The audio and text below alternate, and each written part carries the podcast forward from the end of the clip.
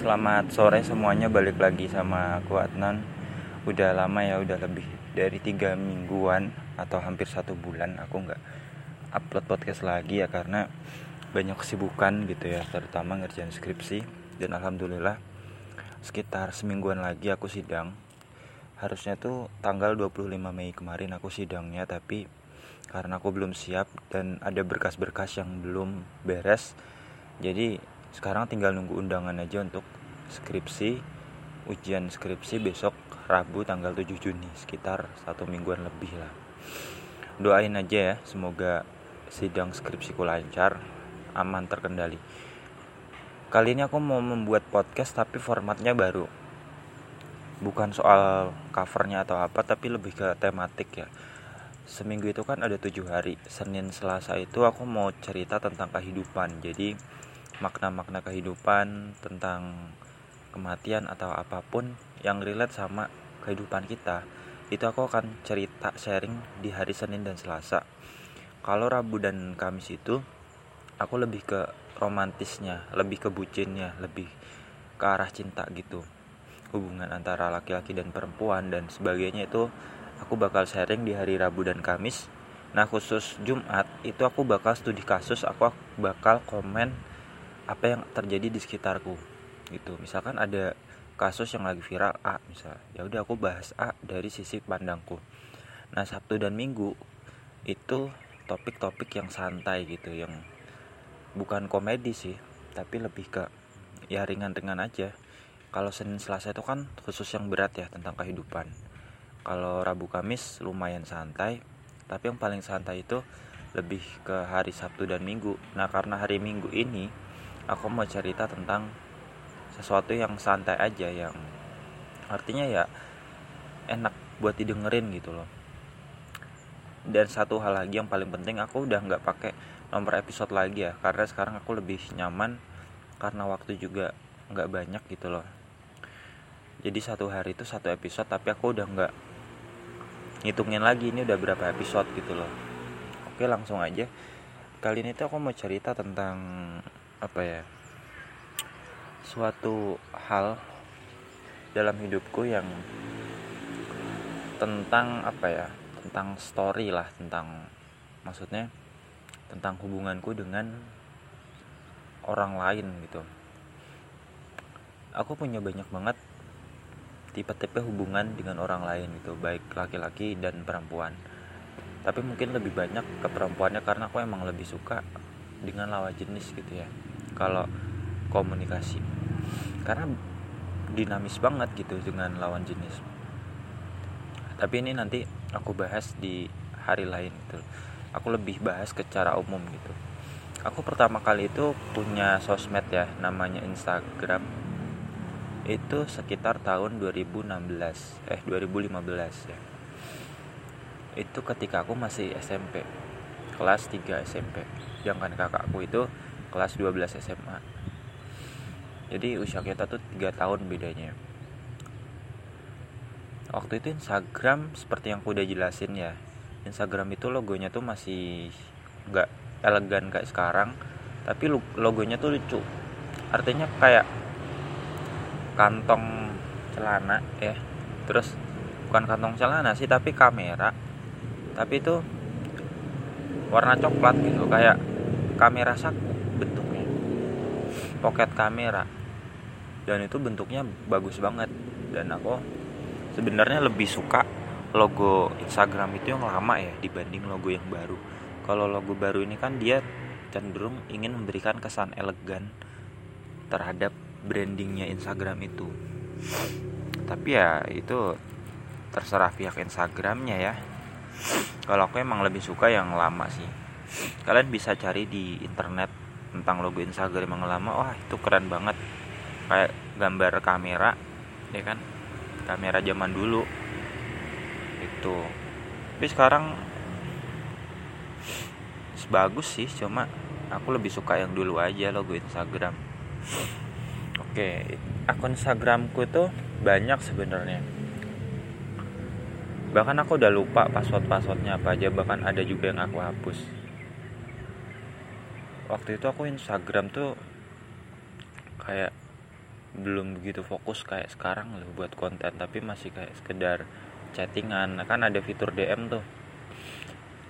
Bahkan aku kenal namanya perempuan itu sebut aja namanya Mawar itu lewat DM tapi nanti aku bahas dari lain lah soal percintaan ini.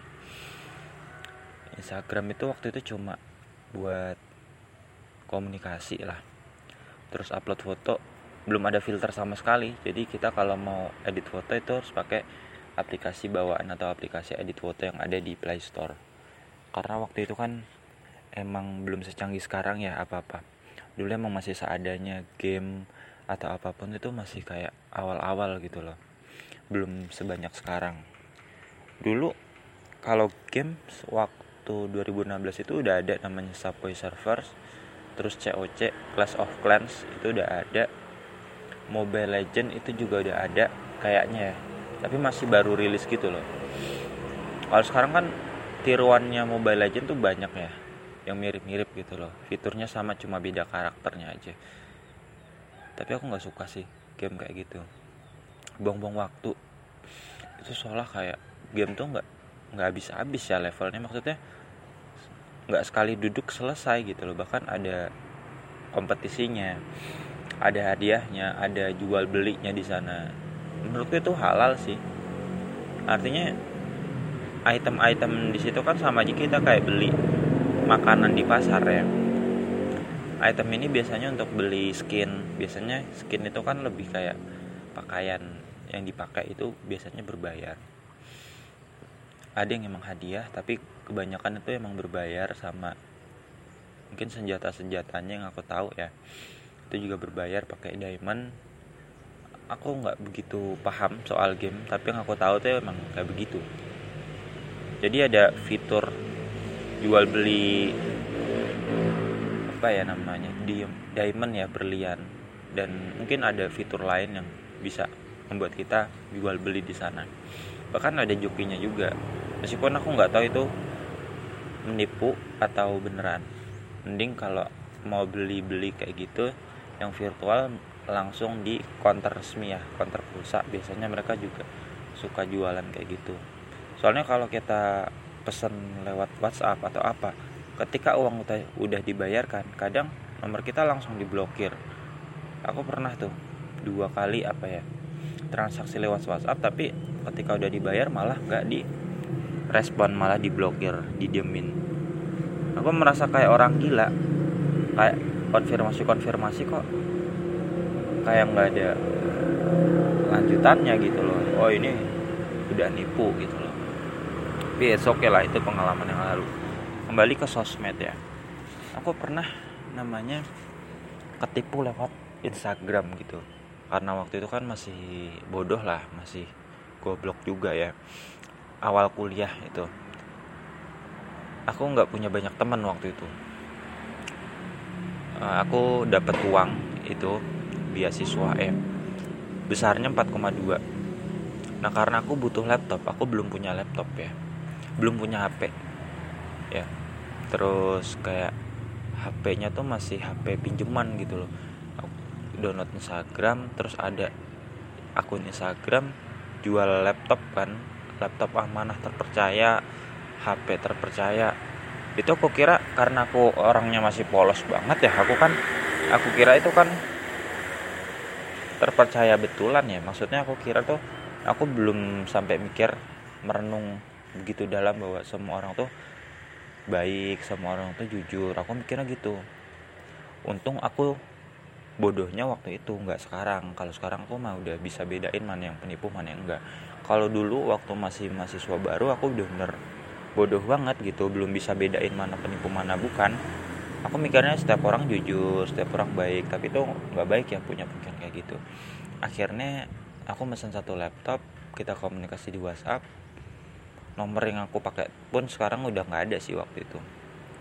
Udah ganti harganya berapa ya? 1,8 juta. Jadi malam-malam itu aku ke bank ATM ya. ATM bank bayar 1,8 mas ini udah tak bayar konfirmasi. Nah tragedi selanjutnya itu kan malam-malam ya hampir jam 10 atau jam 11 malam. Paginya aku kok uh, jalan-jalan uh, gitu loh. Jalan-jalan konfirmasi lagi loh kok nama akunnya udah ganti kok bisa sih? Ini aku mulai curiga nih. Ini beneran nggak ya? Beneran nggak ya? Di aku mulai curiga lah. Dan ternyata beberapa hari kemudian si penjualnya malah minta uang tambahan. Katanya ketahan di perpajakan lah di apalah. Karena aku udah males sudah bad mood aku blokir juga tuh nomor. Karena wah ini udah pasti penipu lah tuh jadi aku sejak itu udah nggak kayak transaksi online lagi lah.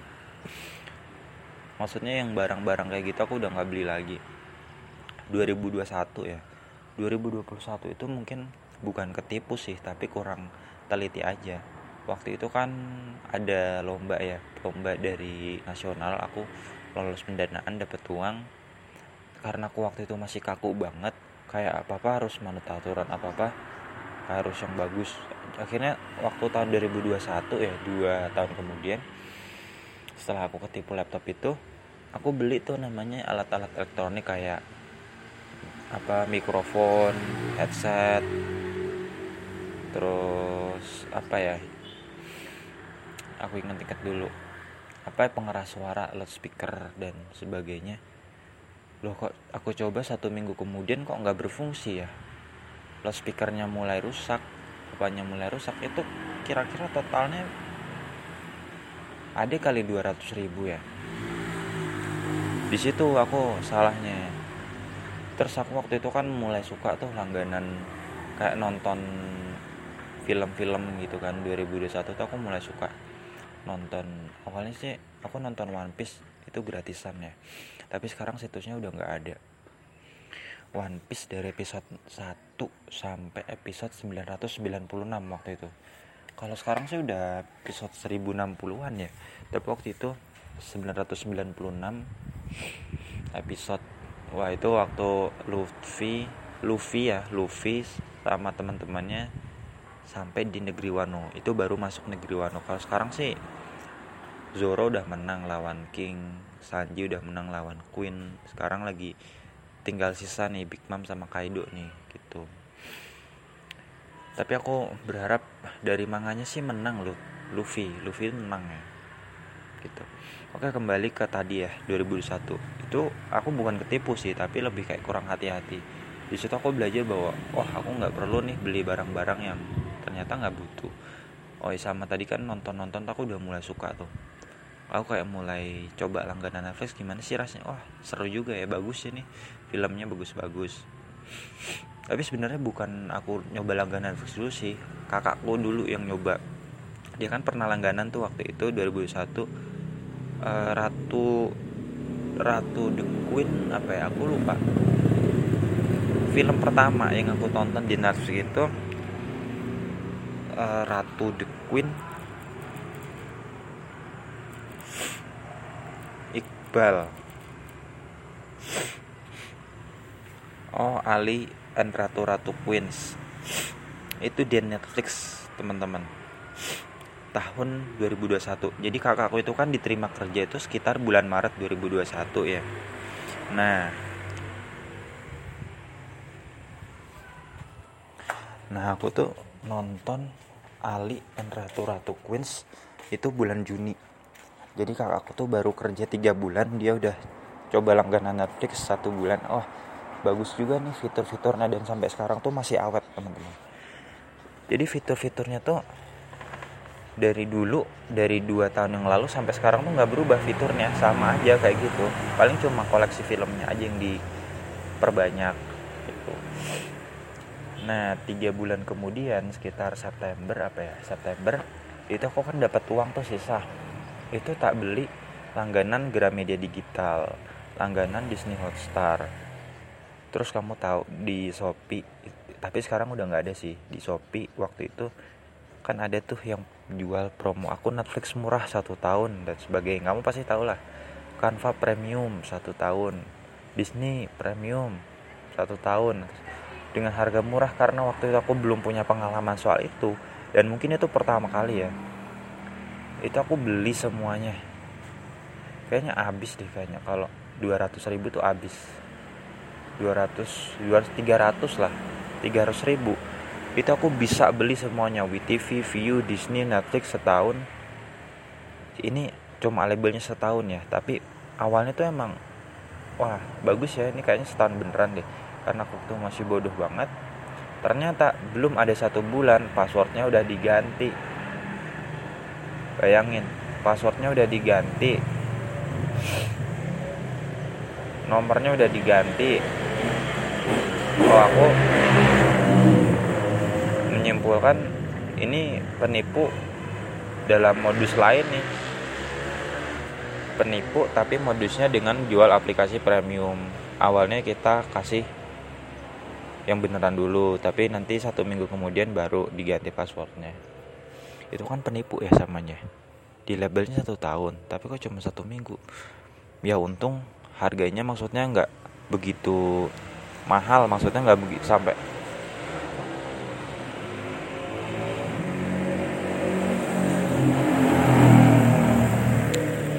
harganya nggak sampai jutaan gitu. Aku paling 300 ribu buatku kecil lah sekarang.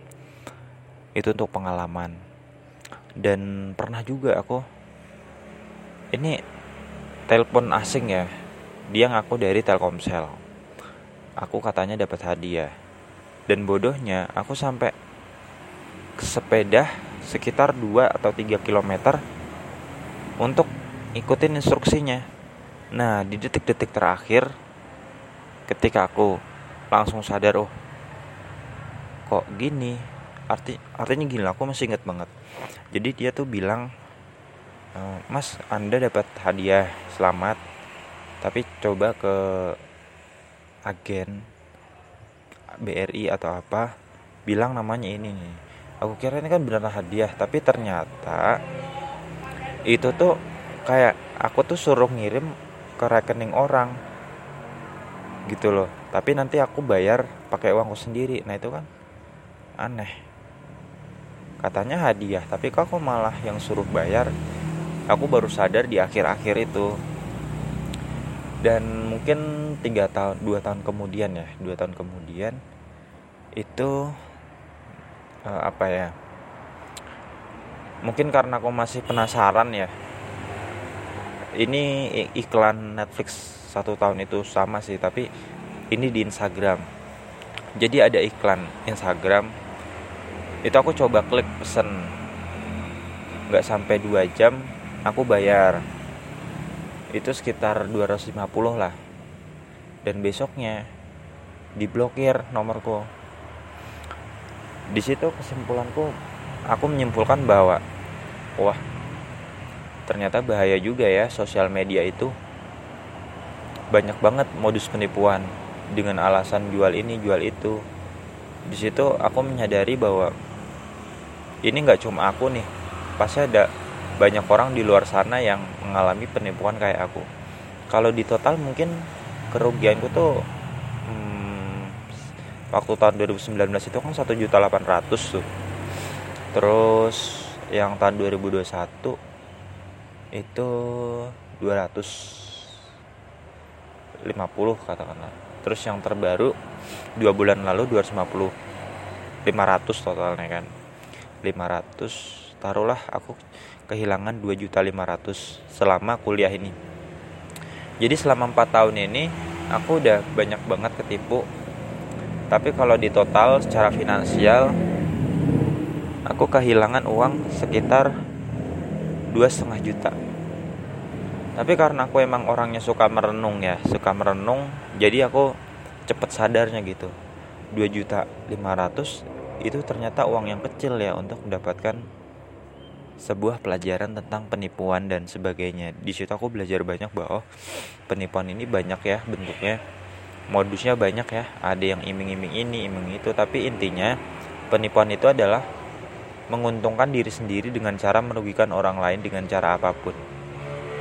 Penipuan itu nggak cuma tentang uang teman-teman. Penipuan itu nggak cuma tentang uang tapi juga tentang kepercayaan, amanah, terus tentang waktu dan sebagainya. Intinya kita merugikan orang lain dan sekitarnya untuk kepentingan kita. Ini yang terbaru banget ini kan kasusnya tapi nanti kasusnya lebih detail aku bahas di studi kasus sih. Tapi secara singkat kasus yang terbaru itu kan penipuan lewat APK ya malware. Ketika kita install otomatis virusnya nanti masuk untuk membuka pin untuk membuka WhatsApp dan sebagainya. Artinya dengan kita menginstal itu dengan kita mengizinkan untuk menginstal aplikasi itu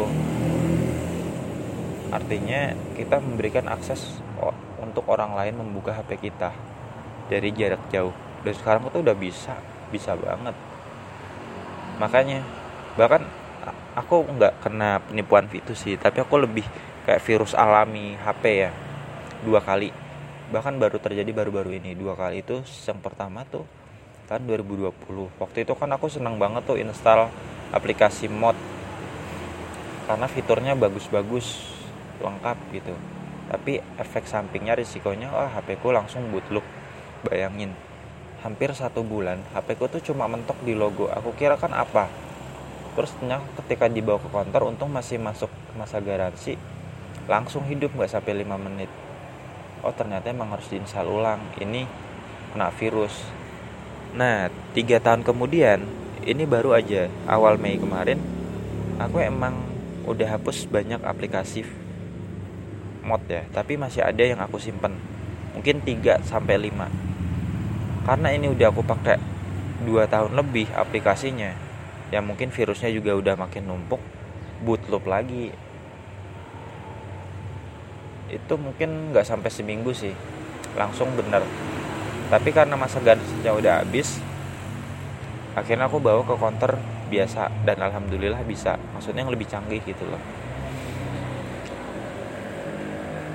Ini pengalamanku ya ceritaku ya. Aku sedikit kurang nggak sedikit sih sangat nggak puas dengan pelayanan service center Oppo di Jogja ya. Karena apa? Ini mungkin untuk catatan untuk service center HP lainnya ya. Jangan sampai mengecewakan pelanggan. Jadi aku kan waktu itu ke Jogjatronic ya. Jogjatronic itu aku lupa di tempat. Pokoknya Jogjatronic namanya Tronic tentu jualnya cuma alat-alat elektronik kan kayak printer, HP, laptop dan sebagainya. Gitu. Itu 2-3 tahun lalu tahun 2020 servis Oppo itu masih nyewa tempat di situ. Aku lupa lantai berapa mungkin lantai 2 itu waktu itu nyaman banget ramah. Bisa ditunggu 5 menit langsung jadi. Nah waktu itu aku tanya sama yang jual HP Oppo waktu itu mas servis Oppo Center di mana ya? Itu kok nggak ada? Oh udah pindah mas katanya gitu. Dekat Lengkung Gading. Ya udah aku pindah lah ke Lengkung Gading waktu itu. Dan ternyata service center Oppo tuh kecil banget. Maksudnya nggak sebesar dulu. Mungkin karena udah nggak kuat bayar sewa atau apa akhirnya mereka buat service center sendiri. Aku masuk waktu itu sepi uh, maksudnya gimana ya? Aku tuh dari awal tuh kayak udah nggak kayak ngerasa nggak enak gitu loh. Mas-masnya itu wajahnya nggak ramah artinya kayak datar kayak mungkin kecapean atau apa ya. Aku nggak nyalahin sih. Cuma aku emang kurang senang aja sih dengan pelayanan yang seperti itu. Terus langsung apa ya? Tanpa basa-basi langsung ini HP-nya nggak bisa kita bantu dulu ya. Karena dijelasin karena ini karena itu karena ini. Di situ aku langsung kayak kecewa banget lah. Aku jauh-jauh 50 km bahkan tempatnya udah tiba-tiba pindah ya kan? Tapi ternyata tanggapannya cuma kayak gitu. Maksudnya mereka mereka aku tahu mereka tuh menjunjung. Aku tahu kalau mereka tuh sebenarnya menjunjung tinggi profesionalitas. Tapi kan menurutku pelayanan terhadap pelanggan itu lebih dari itu gitu loh. Ketika pelanggan udah nggak nyaman ya kamu yang punya pelayanan punya produk mau gimana nasibnya? Gitu loh. Artinya kalau kamu udah nggak ramah ke pelanggan udah nggak melayani pelanggan dengan baik meskipun kamu profesional banget ya untuk apa gitu loh. Artinya gini loh pelayan ke customer itu ibarat akhlak kita. Tapi kalau profesional itu lebih ke skill kita. Penting akhlak atau skill? Dua-duanya penting tapi akhlak harus diutamakan gitu loh. Ini buat siapa pun ya yang mungkin kerja di kasir kerja di mana pun yang kaitannya sama klien customer itu namanya customer itu harus nomor satu. Karena apa? Mereka yang akan beli produkmu menggunakan jasamu. Kalau kamu aja udah nggak ramah ke customer ya customer akan kecewa dan gak akan balik lagi dong. Ya kan? Restoran. Kalau pelanggan gak nyaman dengan pelayanannya tempat yang kurang bersih makanannya nggak enak ya pelanggan gak akan kembali lagi dong. Pembeli gak akan kembali lagi gak akan beli makanan itu bahkan akan dikasih bintang satu. Gitu. Itu aku masih mending aku nggak kasih rating di Google Maps. Aku cuma kecewa aja sama pelayanan saat itu. Dan dua hari kemudian aku kembali lagi. Gitu. Dan kali ini apa ya dengan mas-mas yang sama. Dia dengan asiknya masih servis nggak apa ya pokoknya kayak aku merasa diabaikan lah. Akhirnya udah pindah ke mbak mbaknya ya yang satunya. Sama mbaknya juga kayak gimana ya aku nggak dapat hasil apa pun lah ke situ kayak cuma dikasih informasi ini itu. Akhirnya aku kecewa banget. Ya udah sejak itu aku nggak akan pernah ke service center Oppo lagi. Akhirnya apa? Aku service ke counter biasa. Bukan abal-abal tapi kayak nggak apa ya servis HP biasa gitu loh. Dan alhamdulillah mereka bisa gitu loh. Bayarannya 300 ribu lah. 300 ribu akhirnya bener itu aja sih pelajaran yang bisa kita ambil bahwa di mana pun kita berada kita harus punya akhlak yang baik terhadap orang. Mungkin aku nggak punya uang banyak saat itu makanya nggak dihargai.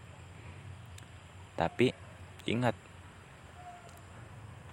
namanya kita berinteraksi dengan orang lain kita nggak boleh mandang namanya status mandang fisik atau lainnya siapa pun harus kita hargai keberadaannya.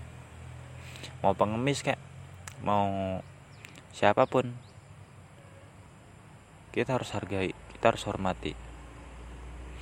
Gitu. Ini saran ya buat siapa pun nggak cuma service center Oppo.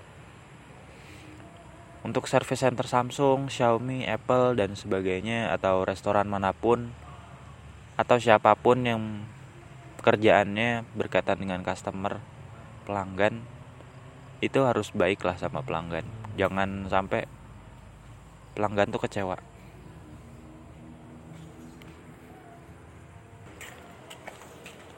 Nah tadi kita udah bicara ngalor ngidul ya tentang banyak hal.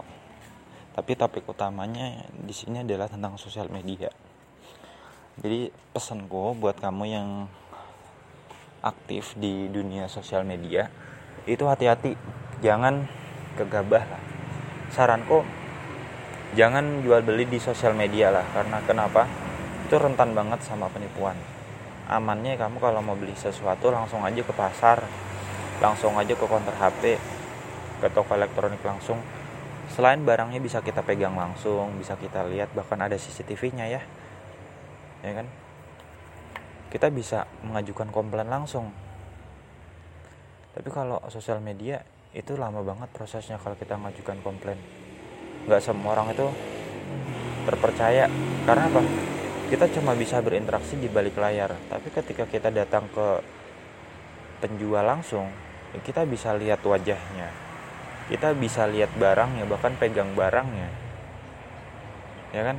Ada CCTV-nya juga untuk ngamanin kita punya uang cash atau uang di HP selama itu kalau langsung kemungkinan untuk ditipu susah kecil.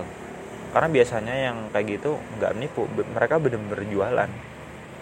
Kayak orang di pasar paling nipunya paling timbangannya dicurangin atau apa tapi kan minim. Mereka untuk menipu tuh minim dibanding ketika kita bertransaksi lewat sosial media. Makanya aku udah nggak mau lagi namanya berbelanja di Shopee, Tokped atau apa pun. Aku tahu mungkin ya mereka jualan beneran hanya saja via online. Tapi ya namanya orang kan aku udah trauma banget udah udah kapok lah transaksi lewat sosial media atau e-commerce.